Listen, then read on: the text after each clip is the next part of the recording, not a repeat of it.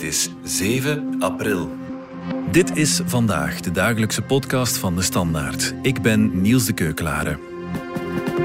Heeft u al eens blanco gestemd? Met andere woorden, geen enkele kandidaat of partij aangeduid op uw verkiezingsformulier. Op de federale verkiezingen van volgend jaar kan u, als alles volgens plan verloopt, stemmen op een nieuwe politieke partij. De partij Blanco.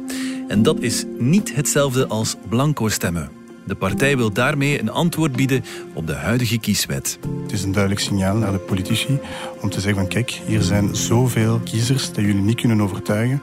En het is gedaan met ze opzij te zetten op het moment van de zetelverdeling. Heeft de partij Blanco kans op slagen? En wat kan de impact zijn op de zetelverdeling?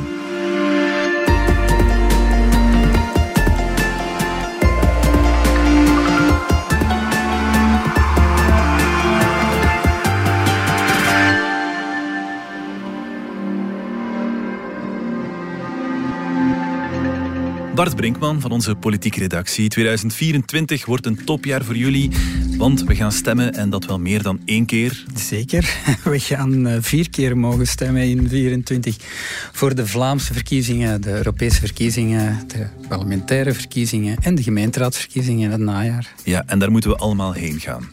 Ja, wij zijn een van de weinige landen in Europa die nog een opkomstplicht hebben. Dus je hebt niet de plicht om te stemmen, maar je hebt wel de plicht om naar het kiesbureau te gaan en daar even in het kieshokje te verdwijnen.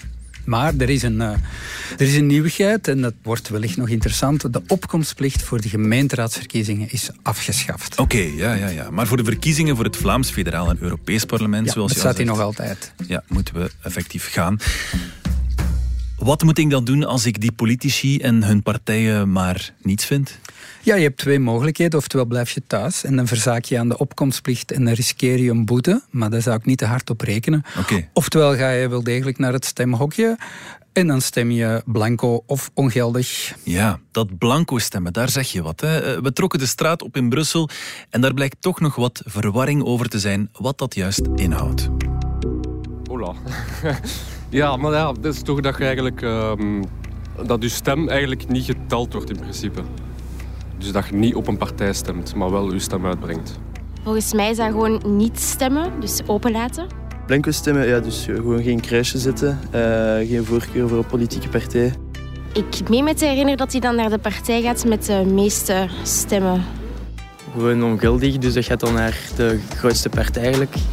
Maar er is, ja, voor de rest weet ik er eigenlijk ook niet echt iets van. Volgens mij wil dat zeggen dat uw blanco stem dan eigenlijk naar de partij gaat die het meeste stemmen behaald heeft. Klopt dat eigenlijk?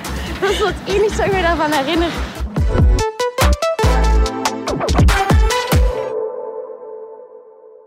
Ja, Bart, voor al duidelijkheid, straks hebben we het over de partij Blanco. Dat is een nieuw gegeven, de naam van een nieuwe partij en dus iets helemaal anders. Maar leg ons eerst even uit, het Blanco stemmen zelf, is dat hetzelfde als ongeldig stemmen? Het komt op hetzelfde neer, maar het is eigenlijk niet hetzelfde. Bij ongeldig stemmen, wat de dag van vandaag veel moeilijker is, betekent eigenlijk dat je fouten maakt op je stembiljet of je begint erop te krassen en zo. Maar ja, vermissen in, op de meeste plekken eigenlijk je stembiljet niet meer hebben, gaat dat dus niet meer. Dus je kan wel blanco stemmen. Ja. Dus de computer geeft u de mogelijkheid om blanco te stemmen en dat betekent dus dat je voor geen enkele partij kiest. Ja, dat is op dit moment een bolletje op ja, de... Dat, ja. dat is inderdaad een bolletje dat je dan kan zwart maken. Nu is het wel zo, blanco stemmen worden wel achteraf gelijkgesteld aan ongeldig stemmen. Dus dat wil zeggen, die worden niet meegeteld bij het aantal geldige stemmen. En nu wordt het even ingewikkeld, want dat is wel van belang. De zetelverdeling gebeurt op basis van de geldige stemmen. Dus okay, dat wil zeggen ja. dat de blanco stemmen daar worden afgehaald. Dat heeft van belang, omdat dan uw, uw noemer, waarop alle zetels worden verdeeld, die Mhm. wordt iets kleiner. Dat betekent dat de grote partijen in principe iets sterker worden en kleinere partijen in principe iets minder sterk. Oké, ja. En dat scheelt, dat kan tot 2% schelen, naar omhoog of naar omlaag. Dus in die zin zegt men wel eens, als je blanco stemt, dan steun je eigenlijk de grote partijen. Dat klopt. Niet in de zin dat je stemmen doorgeeft, maar in het omzetten van de stemmen naar de zetels zorg je ervoor dat grotere partijen iets meer bevoordeeld worden dan kleinere partijen. Ja, dat was ook wat we hoorden in de reacties op straat. Je kan dan niet kiezen waar je stem naartoe gaat. Je stem gaat naar de meerderheid. Dat klopt eigenlijk op die Eigenlijk manier. klopt dat. Eigenlijk geef je een schouderklopje aan de grootste partijen en geef je een klein tikje aan de kleinste partijen. Het is een beetje biljart spelen. Ik ga een heel extreem voorbeeld geven om het een beetje duidelijk te maken. Ja, ja. Bijvoorbeeld, er zijn verkiezingen en er worden 200 stemmen uitgebracht. 100 van die 200 stemmen zijn blanco. Dus dat is 50 procent. Er is een partij die 20 stemmen haalt. Nu, 20 stemmen op 200 is 10 procent. Maar die 100 blanco stemmen die worden niet meegeteld. Dus die partij die 20 stemmen haalt, haalt dan eigenlijk meteen 20 procent. Dus dat is van belang. Dus Ja, die, ja, ja, die blanco stemmen worden niet meegeteld als geldig. En dus uw hele verdeling van zetels wordt gebaseerd op het aantal geldige stemmen. En dan, ja, je ziet zelf aan het voorbeeld, eh, de, de, een partij die dan eigenlijk niet zoveel haalt, haalt plots veel meer. Mhm. Maar ik geef toe, het is een extreem voorbeeld. Dus in werkelijkheid zijn de verschillen minder groot. Maar in een systeem zoals België kan een procent meer of minder...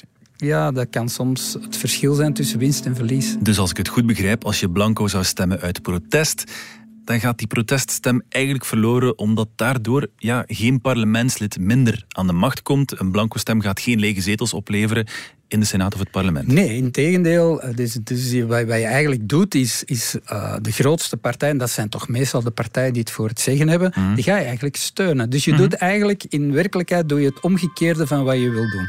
Is blanco of ongeldig of niet stemmen dan ja, totaal zinloos? Nee, maar dat is opnieuw biljart spelen. Ehm, als je kijkt naar partijfinanciering, dan worden partijen voor een stuk betaald per stem die ze verdienen. Daar staat dan een bepaald bedrag in euro tegenover. Natuurlijk, als er minder mensen gaan stemmen, of ze stemmen blanco of stemmen ongeldig of ze blijven thuis, ja, dan is het totaal aantal geldige stemmen verminderd en dus wordt er ook minder uitbetaald aan partijfinanciering.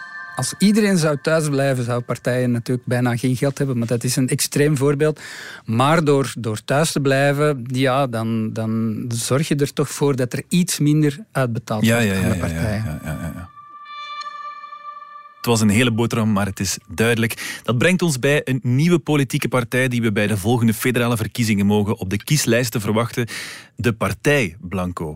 We spraken met een van de oprichters, Laurent Rijkaard, en hij vertelt ons meer over hun bestaansreden.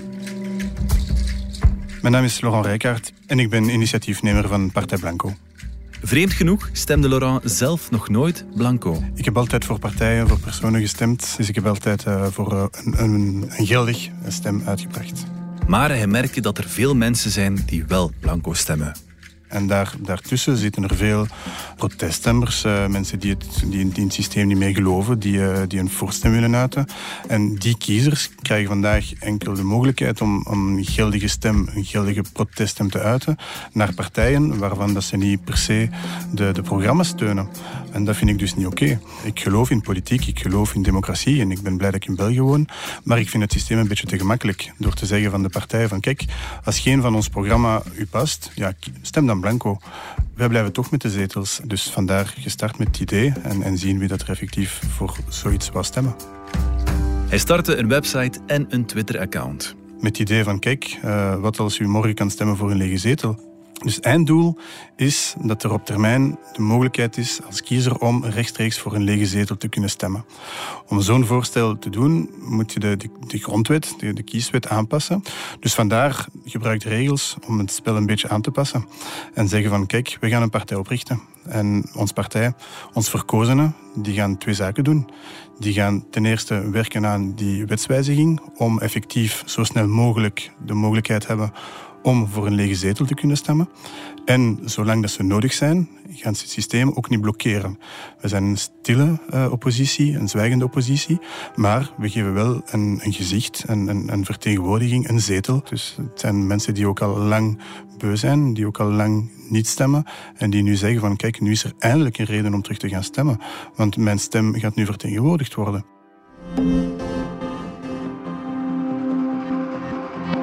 Heeft de partij kans op slagen?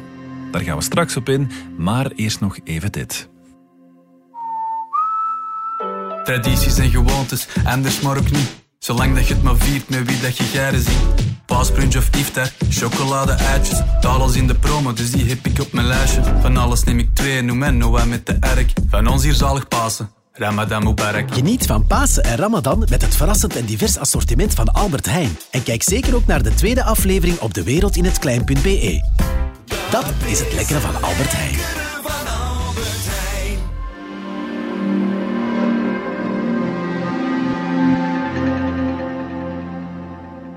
Bart, terug naar jou. Eh, de partij Blanco, ze willen graag een alternatief bieden, zodat mensen niet, intentioneel of niet, stemmen op extreme partijen in het politieke spectrum.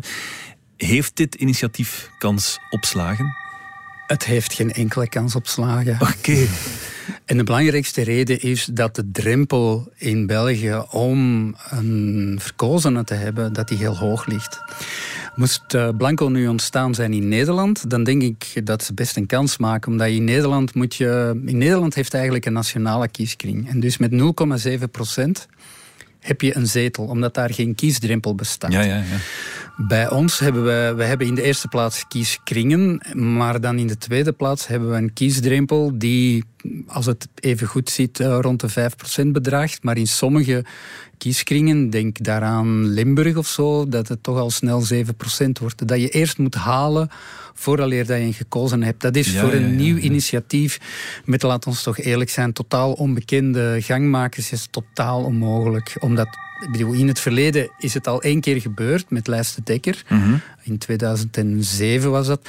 Maar Jean-Marie de Dekker had natuurlijk een zeer grote naambekendheid. Was er ook Ja, in ja, geslaagd Om, om verschillende afdelingen op te richten en zo. Dus dan kun je dan kun je wel iets proberen. En dan nog was het een grote verrassing. En het was vooral niet duurzaam uiteindelijk. Maar in dit geval geef ik het geen schijn van kans. Ja, maar die groep van protest- of voertstemmers, zoals we ze noemen, die is er wel degelijk. Is dat een grote groep? Of? Ja, ik begrijp, ik begrijp de aanleiding wel. Dus als we kijken naar de jongste verkiezingen, dan heb je ongeveer een opkomst van 90 procent. 92 procent in Vlaanderen, iets 5, 86 in Brussel. Als je daar dan ook nog de blanco-stemmers bijtelt, dan zit je toch al aan een dikke 15 procent van mensen die ofwel wegblijven, oftewel blanco stemmen. Dus dat is vrij veel. En dus de- ik denk dat ze vinden dat die groep moet vertegenwoordigd worden Ja, op de ja. een of andere manier. En dat je dus visueel moet kunnen zien in de Kamer van hé hey, jongens, let op, 15% is niet gaan stemmen of stemt blanco.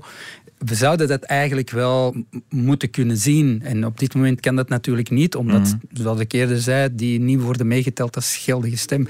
Dus ik begrijp dat wel ergens. Maar tegelijkertijd heeft het ook iets tegenstrijdig, want je wil ergens een partij oprichten om, om de blanco stemmen te vertegenwoordigen in het parlement. Maar in het parlement zou je dan niets doen. Buiten het feit dat je de blanco stemmen vertegenwoordigt. En dan kun je natuurlijk gaan redeneren. Maar door het feit dat je het een gezicht geeft, ga je misschien andere partijen ertoe aanzetten om het anders aan te pakken. Ja, Ja, ja. goed. Maar dan, dan zijn we toch al aan het doordenken. Dus ik weet niet of het zo werkt. Ja, voor alle duidelijkheid, de partij is nog niet officieel. Wat moet je doen om een nieuwe partij op het stembiljet te krijgen in 2024? Ja, dat ligt allemaal heel netjes vast eh, in de kieswetgeving. Je moet natuurlijk een naam vinden, die heb je al, blanco. Dan moet je aan een aantal voorwaarden voldoen.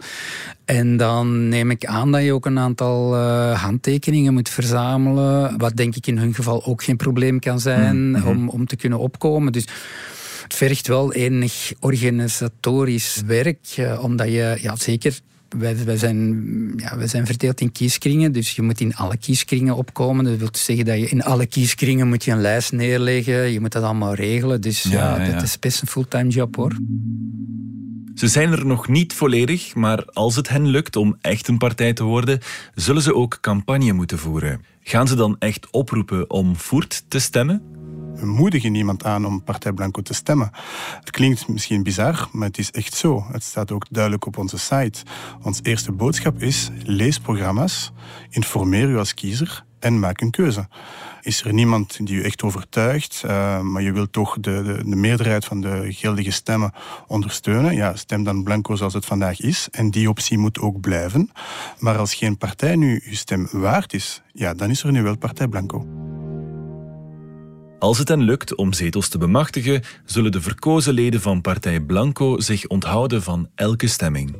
Belangrijk is dat we ons houden aan een neutraliteit. En dat we echt, dat is, dat is ons enig belofte, dat we gaan staan in de Kamer en dat we onthouding gaan duwen en werken aan die, uh, die wetswijziging. We kunnen, we kunnen niks anders doen dan gewoon zich on, ons onthouden. En om Partij Blanco te, te, begrijpen, moet je eigenlijk denken als een lege zetel. Een lege zetel heeft geen mening, uh, kan, kan niks uiten, kan niks vertegenwoordigen buiten de verschillende uh, gevoelens van, van zoveel kiezers. In een systeem waar dan morgen de mogelijkheid is om voor een lege zetel te kunnen stemmen, vragen we niet beter dat de 150 zetels bezet worden door verkozenen, als teken dat ze iedereen hebben kunnen overtuigen. Ja, Bart, een partij als Blanco, die als doel heeft de grondwet te veranderen en uh, lege zetels in het parlement te krijgen, dat soort zaken, bestaat dat al in andere landen?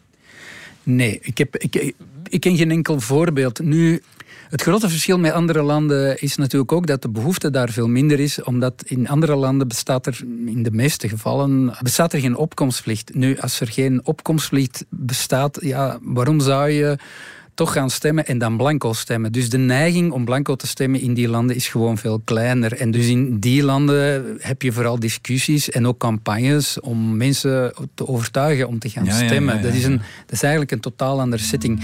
In die zin zijn wij een beetje verwend, hè, partijen worden verwend. Partijen moeten geen tijd en geld steken in het feit om ons te overtuigen om te gaan stemmen. Want dat doen we automatisch, omdat mhm. we omdat we verplicht zijn. Dus we halen 90% opkomst. Dat is, dat is heel hoog.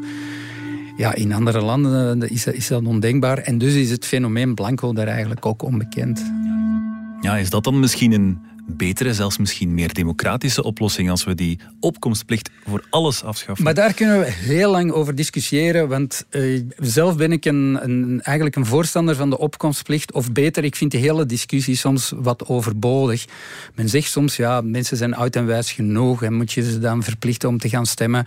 Dan heb ik zoiets, ja goed, uiteindelijk word je toch niet gestraft als je niet gaat stemmen. Maar ik vind het wel een belangrijk signaal van de overheid, mhm. namelijk stemmen is belangrijk. En onderzoek wijst ook uit dat je, als je de opkomstplicht afschaft, dat je, laten we zeggen, zwakkere bevolkingsgroepen, die gaan het eerste thuis blijven. Dus uiteindelijk um, ga je ervoor zorgen dat je democratische representatie, dat die toch een beetje wijzigt. Mm, mm. En, en als mensen, um, als de zwakkere groepen thuis blijven, dan gaan degenen die gaan stemmen, of zeker degene die hen gaat vertegenwoordigen, gaan misschien ook wat minder aandacht hebben op die groepen, omdat ze toch niet gaan stemmen. Dus hij heeft uiteindelijk ook, kan dat ook wel gevolgen hebben in het beleid. Dat zie je zeker in de Verenigde Staten, waar dat probleem zich veel, veel groter stelt. En waardoor dat je soms ja, partijen hebt of, of politici hebt die zich uitsluitend met de wat rijkere of met de middengroepen bezighouden, maar zeker niet met de armeren. Hm. En dat is natuurlijk een politieke keuze. Maar ik wil maar zeggen, dat is een discussie die eigenlijk vrij vergaand is en de hele problematiek van het blanco stemmen wel echt ver overstijgt. Het is natuurlijk wel een duidelijk signaal dat sommige kiezers, sommige mensen zich ja, het gevoel hebben dat de politieke partijen hen tekortschieten.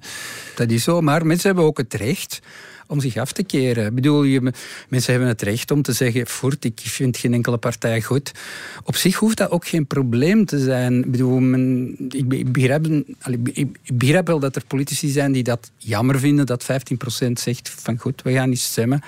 In Amerika wordt de president verkozen met 50% van de kiesgerechtigden, dus daar is het probleem veel groter. Dus dus ik heb zoiets, mensen, je, zou kunnen zeggen, ja, maar het is toch belangrijk, we moeten hen overtuigen, maar dat is ook een vorm van vrijheid, dat je kunt zeggen, het interesseert me niet, ik trek er me niks van aan, ik stem blank of stem ongeldig of blijf thuis. Ook dat is uw democratisch recht.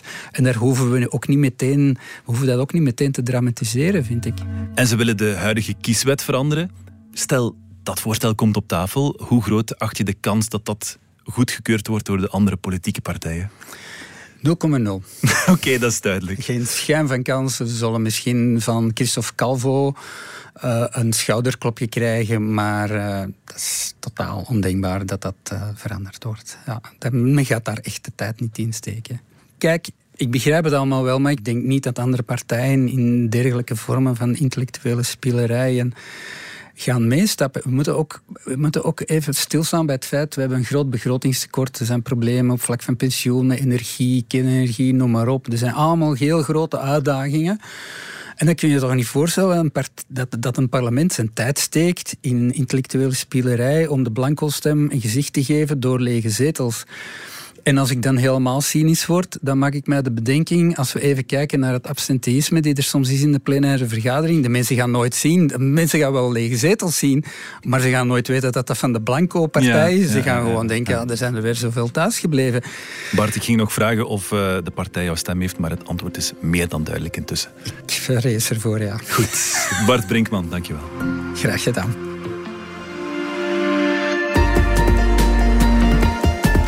Dit was vandaag, de dagelijkse podcast van de Standaard. Bedankt voor het luisteren. Volg ons op Spotify, Apple Podcast of eender welk andere podcastplatform. Alle credits van de podcast die je net hoorde vind je op standaard.be-podcast. Reageren kan via podcast.standaard.be. En dan nog even dit. Volgende week krijgt u iets bijzonders. We pakken dan hier bij DS Vandaag uit met een speciale reeks. Op het moment dat je die post krijgt van kijk, de advocaat is door uw examen geweest. Ja, ik, ik was heel verontwaardigd. Ik, ik werd boos. Dat je dan als leerkracht alsnog de schuld krijgt eigenlijk. Hè, van het komt door u. Meer en meer leerlingen leggen zich niet neer bij hun examenresultaat en vechten het oordeel van hun leraren aan. Al dan niet bijgestaan door een advocaat. De Raad van State heeft de beslissing van de beroepscommissie geschorst. En hierdoor mocht ik dan door naar het zesde jaar. En nu doe ik universiteit, dus het is mij gelukt. Die nieuwe juridische realiteit heeft ook een keerzijde. Ze drijft schooldirecties en leraren tot wanhoop. Dus onmiddellijk is de advocaat eh, meegekomen naar school. Een advocaat die ja, dan puur naar het juridische kijkt en weinig voeling heeft met een school.